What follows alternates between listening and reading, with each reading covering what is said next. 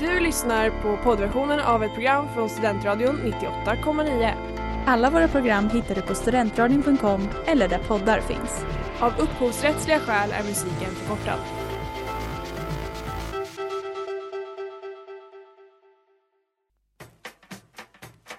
Hur är Uppsala som cykelstad? Men, men alltså verkligen cred till alla rättshaverister där ute. Vad har ni för relation egentligen till näthat? Det faktumet att man kan bli tvångsgift. En möpare, det är en militärt överintresserad person. De som argumenterar för att public service ska vara skattefinansierat. Systembolaget har ju liksom den stora fördelen att de faktiskt säljer sprit. Alltså det gör ju inte. Sen lunch med PRK, ditt inrikespolitiska program. Varje onsdag klockan 18 på Studentradion 98,9. Ja, hej och välkomna till Scenlunch med PK här på Studentradion 98,9 som har tagit en liten paus nu några veckor men eh, vi är tillbaka starkare än någonsin. Absolut, eh, det är vi eh, och det, det känns jättekul att vara tillbaka här. Idag är vi lite färre än normalt Ja. så att jag får hoppas att ni lyssnare inte tröttnar på våra röster. Mm. Måns heter jag. ja, och jag heter Elsa och jag tänker att det är kvaliteten som betyder någonting och inte kvantiteten. Jag tänker det är det vi får jobba med. Absolut, så är det. Hur är det med dig annars? Jo, men det är bara bra tycker jag. Det är bara bra. Det var riktigt skönt idag att känna solen för första gången på flera månader kändes det som Ja. att eh, solen faktiskt värmde så att det var riktigt skönt. Nej, men det var Eh, verkligen helt fantastiskt när man gick ut och man bara känner nej men det är lite varmare nu i ansiktet bara för att man ser solen. Precis. Hur är det själv? Det är bra. Det känns som NEK A är ju liksom i full gång. Eh, och det känns bra tycker jag. Alla hatar ju den. Jag är den som är lite positiv i alla fall. Eh, men ja, vi får se hur det går. Du, idag ska vi prata om eh, Palmemordet. Det stämmer, det stämmer. Eh, för i dagarna nu så eh, var det ju 34 år sedan Sveriges dåvarande statsminister Olof Palme sköts på öppen gata i centrala Stockholm. Eh, och eh, polisutredningen som då tog vid, det brukar ju sägas vara världens största då, eh, och den har lyckats samla över 250 hyllmeter med material. Eh, så det är helt eh, ofattbart. Eh, och spåren i den här utredningen, de har ju handlat om allt från då PKK till Sydafrika, Mm. Christer Pettersson, högerextrema falanger inom svenska polisen och så vidare. Eh, så det har ju varit många spår men som egentligen inte har lett någonstans. Eh, så att man har egentligen inte kommit längre i utredningen nu än vad man lyckades på mordnatten då. Eh, men idag, eller rättare sagt igår, så kom ett genombrott då. Han som är förundersökningsledare, Christer Petersson, inte Pettersson. Det Eh, kan bli en jobbig ja, misssägning där. Precis, det är inte det mest lyckade namnet i det här sammanhanget. Men han gick ut och sa att eh, nu eh, har de någonting spännande att presentera. Eh, så att inom sex månader så kommer man att eh, fatta beslut om man ska väcka åtal eller om man då ska lägga ner den här utredningen. Eh, och frågan är ju då hur ska det här tolkas? Det här blir liksom lite kremnologi för att han vill inte säga så mycket men han säger att vi kommer väcka åtal eller så kommer vi lägga ner utredningen då. Och ska man väcka åtal, ja då betyder ju det att personen som man planerar att åtala måste vara i livet. Det ligger ju lite i sakens natur. Jaha. Så det skulle alltså betyda då att Olof Palmes mördare fortfarande lever och kan komma att ställas inför rätta här eh, Mm. i Sverige. Det vore ju otroligt spektakulärt får man ju säga. Ja, verkligen. Eh, för jag vet inte hur det har varit för dig, men under hela min uppväxt så har man alltid sett på Palmemordet och nästan skrattat lite åt det och sagt att det där kommer liksom aldrig att leda någonstans. Man kommer Nej. aldrig att kunna nå i mål med det. Ja, nej, men alltså det känns ju lite så här. Jag fattar hela grejen att man vill ha rättvisa och fighten för det. Eh, men det känns som att det här är slöseri med resurser och tid att försöka utreda det. Precis, eh, det är ju så, det kan ju inte fortsätta i all evighet det här. Eh, så. Eh, men jag tänker också så här att även om man skulle presentera en lösning, frågan är om det kommer kunna liksom godtas av gemene man. Alltså kommer folk verkligen att lita på polisens förklaring? Eh, Mm. För att om man tittar tillbaka lite på hur polisen har fött sitt arbete tidigare så kan man ju säga att det, det har inte gått helt, eh, helt smärtfritt. Det har inte Nej. varit någon dans på rosor. Eh, Och eh, Hans Holmér som var den första förundersökningsledaren, hans arbete blev ju ett riktigt eh, fiasko i många delar. Så att polisen har väl kanske nästan förbrukat sitt förtroende lite grann eh, i den här frågan. Eh, så frågan är om man verkligen kommer kunna acceptera den här Eh, förklaringar då som de eh, kan tänkas komma med. Om man lyckas eh, så att säga gjuta olja på vågorna och se till att lugna alla konspirationsteoretiker. Jag tror det kan bli svårt. det tror jag med. Ja, vi får se.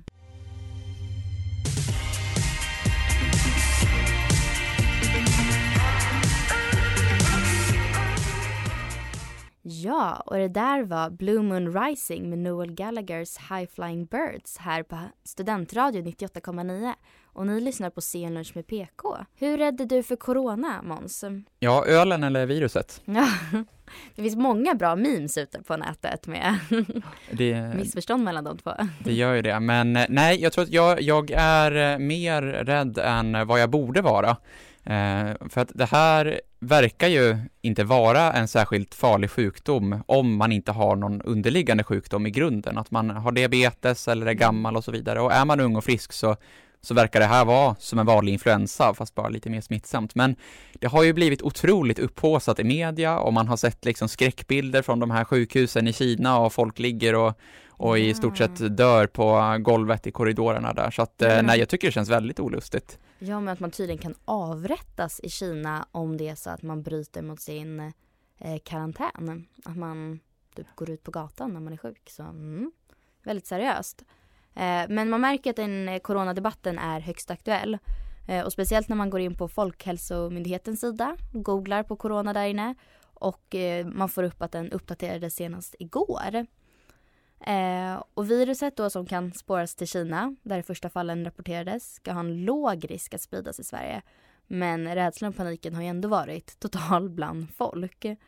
Eh, kanske för att myndigheterna inger allt annat än lugn till eh, oss då det alltid svarar något i stil med vi vet inte så mycket i nuläget eller det är inget vi kan svara på just nu när folk frågar frågor om viruset. Eh, men hur säkra ska vi känna oss med Sveriges beredskap? Kan vi vara lugna med att våra myndigheter och staten tar hand om oss? Ja, ja, precis. Det är ju jättesvårt att säga. Jag tycker att det har varit ganska intressant om man har läst svenska medier jämfört med utländska medier. Eh, för i Sverige så är det på något sätt som att alla stora mediehus och tidningar har velat ge bilden av att vi har kontroll på det här och det finns liksom ingen anledning till oro. Och det har inte liksom rapporterats riktigt lika mycket om coronaviruset här som om man har läst The Guardian eller New York Times till exempel. Där har det varit ännu mer skräckrubriker. Så att eh, kanske ska man tolka det som att Sveriges beredskap är då ganska god, att risken inte är särskilt hög här för att vi har en väldigt stark och utvecklad sjukvård. Eller så är det så att man bara vill försöka eh, skapa lite lugn i de breda folklagren. Så det, det är svårt mm. att säga, men, eh, men vi har ju ett eh, coronafall här i dagsläget och jag tror inte att den personen har, har blivit frisk än och det går väl inte att utesluta att det kanske kommer fler framöver. Nej. Nej men det var väl också det att man tog hem massa folk som har varit i det här om, jag tror det så Wuhan eller någonting i Kina, området i Kina där det har först rapporterats som fick komma hem med något franskt plan som sen kom till Sverige där det var jag tror inte de behövde vara hemma i två veckor men de uppmuntrades till det. Mm. Ja, det var det där som jag tyckte var så märkligt för att det var ju många då EU-medborgare som togs med det här mm. planet mm. från eh, den här staden Wuhan då. Ehm, och alla andra medborgare, de blev ju satta i tvångskarantän då i två veckor. Eh, medan de svenska medborgarna, då var det liksom så att, eh, nej men eh, åk hem och ta det lite lugnt ett par veckor nu, men känner ni att ni behöver gå iväg och handla, då kan ni väl göra det liksom. Så, ja. Och så, så att det känns väl som att man inte riktigt har tagit det på lika stort allvar här kanske som i, i andra länder. Mm. Eh, helt klart. Men det är så intressant, jag undrar vad det beror på, alltså varför vi är så himla Ja, om det är någon, om det är någon slags eh, naivitet som finns ja. här i Sverige, det är svårt Borde att säga. Borde vi oroa oss mer, eller är det de som oroar sig för mycket? Exakt, det är jättesvårt att säga. Eh, men eh, vad man i alla fall kan säga, det är ju att i Kina så har det ju verkligen brutit ut eh, panik nu, eh, i, inte minst hos regimen där. Mm. det här har ju på något sätt skakat den politiska stabiliteten i Kina lite grann. Alltså Kina har ju liksom gått som ett tåg, den kinesiska ekonomin, under mer än tio års tid nu och mm. legat på liksom 6-7 procents BNP-tillväxt. Eh, och nu sker då någonting som, eh, som så att säga rubbar hela stabiliteten där. Så att det här väcker ju mycket frågor kring då Xi Jinping, eh, kommer det här att hota hans ställning? Eh, mm. Hur försöker han att liksom uttrycka sin makt i det här sammanhanget? Det gäller ju för honom att visa att han har kontroll, men har han verkligen det? Eh, så det är ju det är en väldigt känslig fråga för Kina eh, i många avseenden. Ja, absolut. Det blir intressant att följa. Mycket.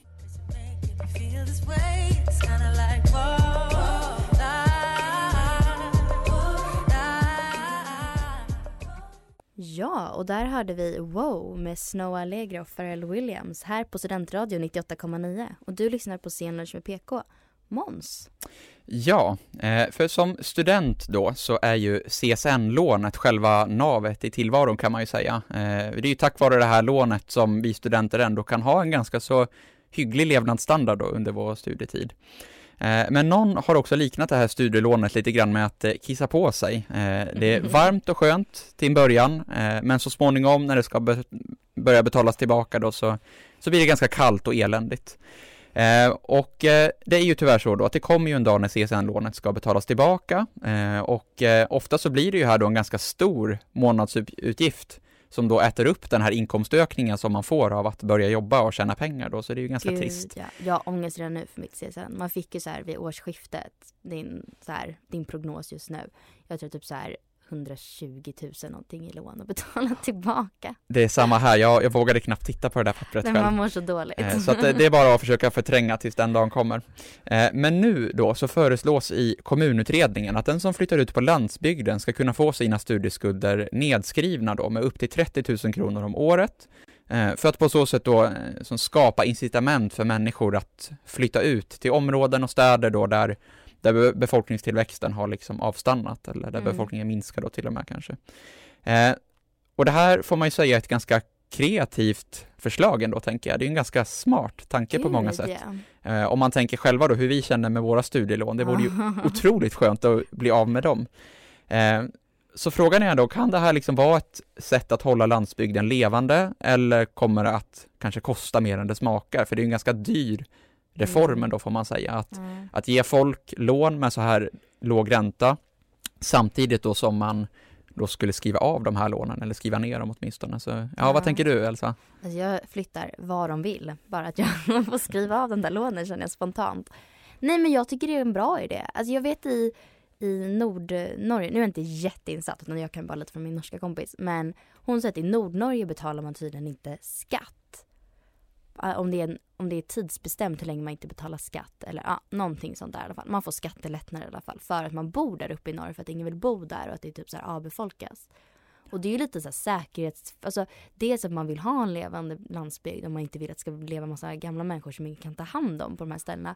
Men det blir ju också lite av en säkerhetsfråga att det faktiskt bor folk i hela landet. Även fast det kanske inte är så realistiskt men om det inte bor några människor i en del av landet, då är det bara för något annat land att komma in och ta det egentligen. Alltså det är ju ändå säkra vårt land. Absolut. Nej men det, det är ju en dimension i det helt klart. Eh, sen Sen blir det också en större fråga hur man ska se på eh, själva landsbygden, om det här blir någon slags kanske lite konstgjord andning då för att mm. hålla igång ja, en landsbygd som eh, håller på att självdö egentligen. Alltså, mm. Det blir lite som att placera landsbygden i respirator kanske. Ja. Att den kommer ändå att dö ut på sikt. Liksom. Ja, eh, men det är svårt att säga. Men man kan ju också tänka sig kanske att det kanske inte är ekonomin i de flesta fallen som stoppar folk från att flytta ut på landsbygden, utan många gånger är det kanske mer ett matchningsproblem det handlar om. Att om man utbildar sig till civilingenjör eller varför inte statsvetare, att de jobben kanske inte riktigt finns i mm. Årgäng eller i Arjeplog, utan de mm. finns i våra större städer. Ja. Så att det är kanske ofta det det handlar om. Och och är det så, då kommer ju kanske inte den här reformen riktigt att kunna Hjälpa. lösa det där. Men det finns inte något så stopp på att myndigheter inte får placera sig i Stockholm? Ja, jag, exakt. Det är men det där sånt. De måste sprida ut sig lite nu för att det är så Precis, de har ju en sån policy att man vill mer och mer liksom utlokalisera myndigheterna så att eh, mm. det har du rätt i, det ligger ju lite hand i hand med ja, det. Ja, så det finns ändå lite som stöttar den här reformen. Absolut.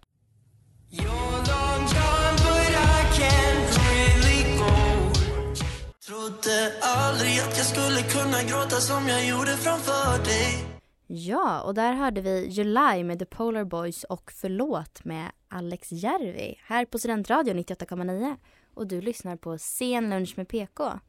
Måns, vet du vem Nooshi Dadgostar är? Jag vet det nu, men jag visste det inte för eh, tre veckor sedan. Eh, men hon är ju vice partiledare i Vänsterpartiet idag, eh, läste juristprogrammet vid Stockholms universitet och eh, hon verkar ju vara den som, som ska bli Vänsterpartiets nästa partiledare, även om det inte är helt bestämt än då. Ja, för hon är ju den enda som kandiderar till att bli Vänsterns nya partiledare efter Jonas Sjöstedt. Eh, och Jonas har ju varit en väldigt populär partiledare vilket kanske kan göra att det är lite läskigt att efterträda honom kan jag tänka mig. Han är ju liksom populärast av alla partiledare dessutom så det är ju det är stora skor att fylla om man säger så. Eh, dock kan man ju tycka att kanske konversationerna kring nya partiledaren borde ha börjat lite tidigare i Vänsterpartiet då Jonas fru tidigare förra året blev eh, ny ambassadör i Vietnam. Och det var väl ganska väntat att han inte skulle vilja bo här samtidigt som han har familjen i Hanoi. Precis, Mm. det, det var ju många som eh, förutsåg det. Det började ju surras om det där redan i september i fjol, att Ja. Sjöstedt kanske skulle avgå då, men det som gjorde att de där spekulationerna aldrig riktigt tog fart, det var kanske att han själv hävdade eh, med en sån emfas att nej, jag kommer att sitta kvar eh, Ja. om jag har partiets förtroende, så att han lämnade ju ingen som helst öppning till att, att, till att han skulle kunna komma att avgå då. Och det, det förstår man ju också, för i samma stund som man aviserar sin avgång så har man ju i praktiken avgått. Då brukar man säga att då blir man en så Gud, kallad ja. lame Mm. duck, då är det ingen som lyssnar på en längre. Ja, och jag Eh. tänker med januariöverenskommelsen och eh, nej, ja så heter det Ja men precis, eller januariavtalet beroende på vad man har för politisk uppfattning. Aha. ja. Visar ju på vilken stark politisk åsikt jag har. Eh, nej men eh, man fattar ju att man inte heller vill rucka på partiet för mycket. Det ska inte vara för jobb, alltså för jobb, sätta för mycket press på partierna som det är tänker jag från partiledarnas håll. Att han kanske ville ta det lite lugnt i sin egen takt. När det är så oroligt i övrigt. Eh, Precis, så det är ändå begripligt. Men det, det som jag tycker är lite intressant nu också, det är att Alltså man brukar säga så här att Vänsterpartiet har ju en väldigt stark intern demokrati, vill de i alla fall själv, själva Mm. hävda då.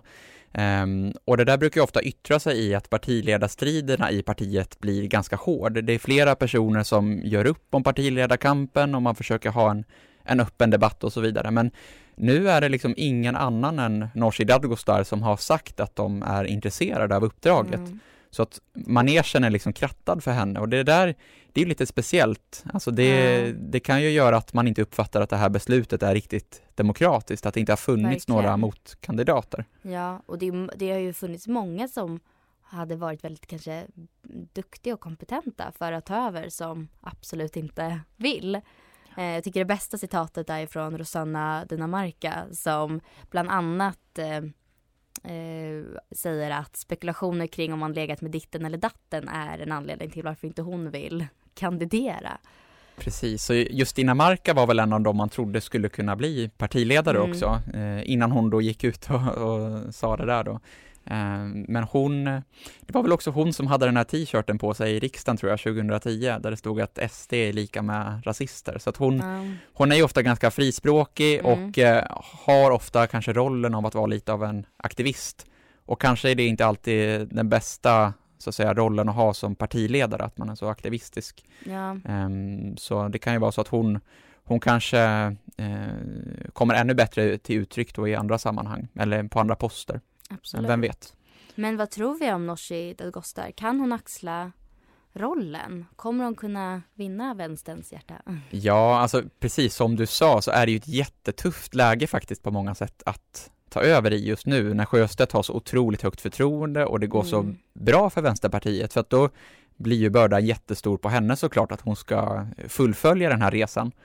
Men eh, samtidigt så tycker jag att hon låter väldigt säker på sin sak, alltså hon har en idé om vad hon vill göra med partiet.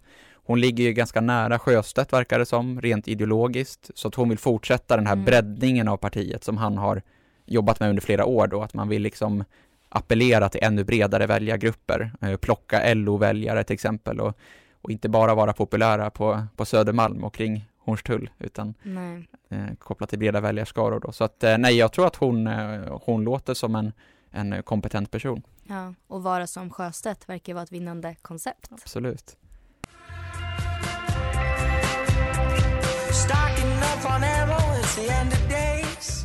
Ja, och där hörde ni Bargain Flights med J. Ember här på Studentradion 98,9 och du lyssnar på CN Lunch med PK. Och vi tänkte nu fortsätta lite spekulationer när det kommer till våra fantastiska partiledare. Ja, vi blev ju lite, lite sugna på att diskutera här då när vänstern ska byta partiledare. Hur ser det egentligen ut i de andra riksdagspartierna? Mm. Eh, hur ser partiledarskapen ut? Och eh, om vi då börjar med Moderaterna, eh, Ulf Kristersson, Mm. eh, tillträdde hösten 2017 eh, när Anna Kinberg Batra avgick.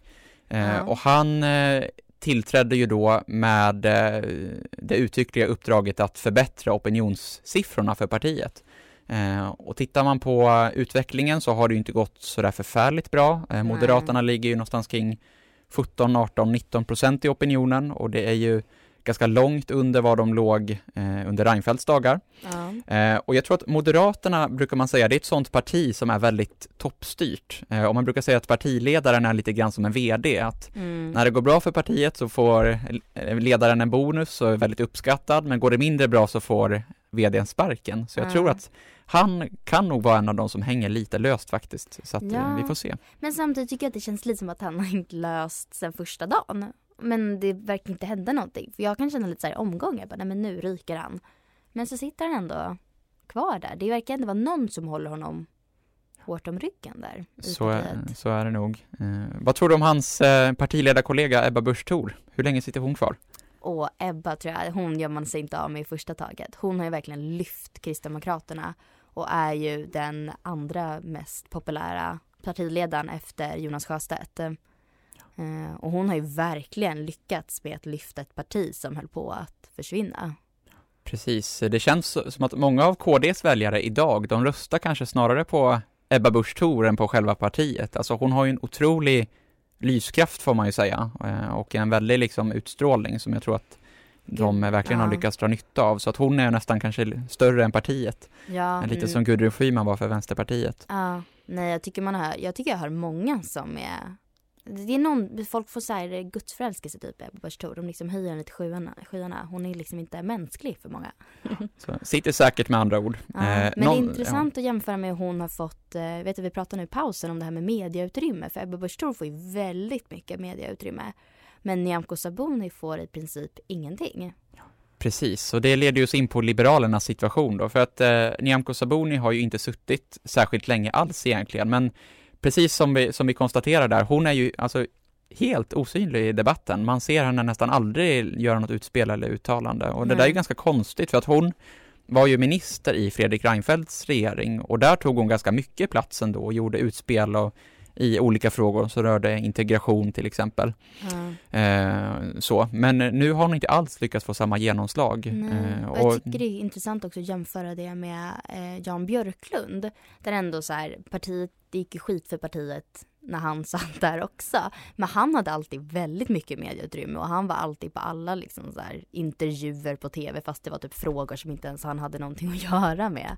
Men han tog ju varje chans. Men det känns inte alls som att hon har fått det på samma sätt. Precis, och det, och det kan ju kanske vara så att det bara är en startsträcka som alla partiledare Mm, egentligen har. absolut. Eh, För det var väl lite samma sak för Ebba Busch Thor och även för Annie Lööf som idag har en väldigt stark ställning i sitt parti. Gud, ja. Hon sågs ju nästan som uträknad där Ja. eh, i slutet på 2011 i samband med att hon tillträdde, Ja.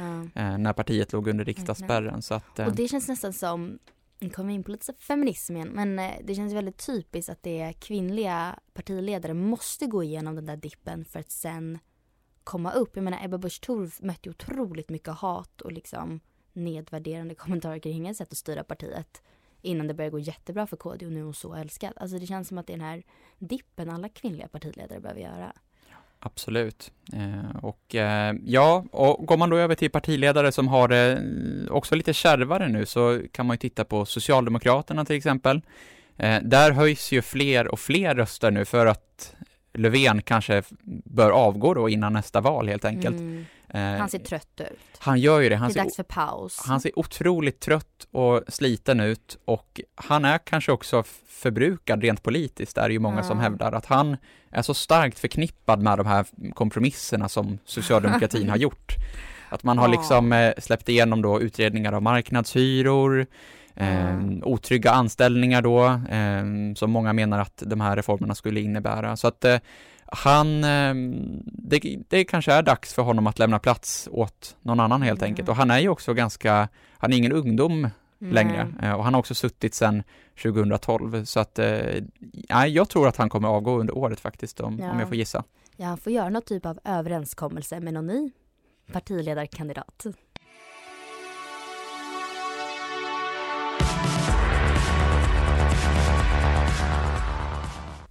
Ja, och där hörde vi Treat You Good med Pale Honey här på Studentradion 98,9 och du lyssnar på Scenlunch med PK. Är RUT och rotavdrag bu eller bä? Det ska vi diskutera nu här på Scenlunch med PK. Och hur känner du Måns?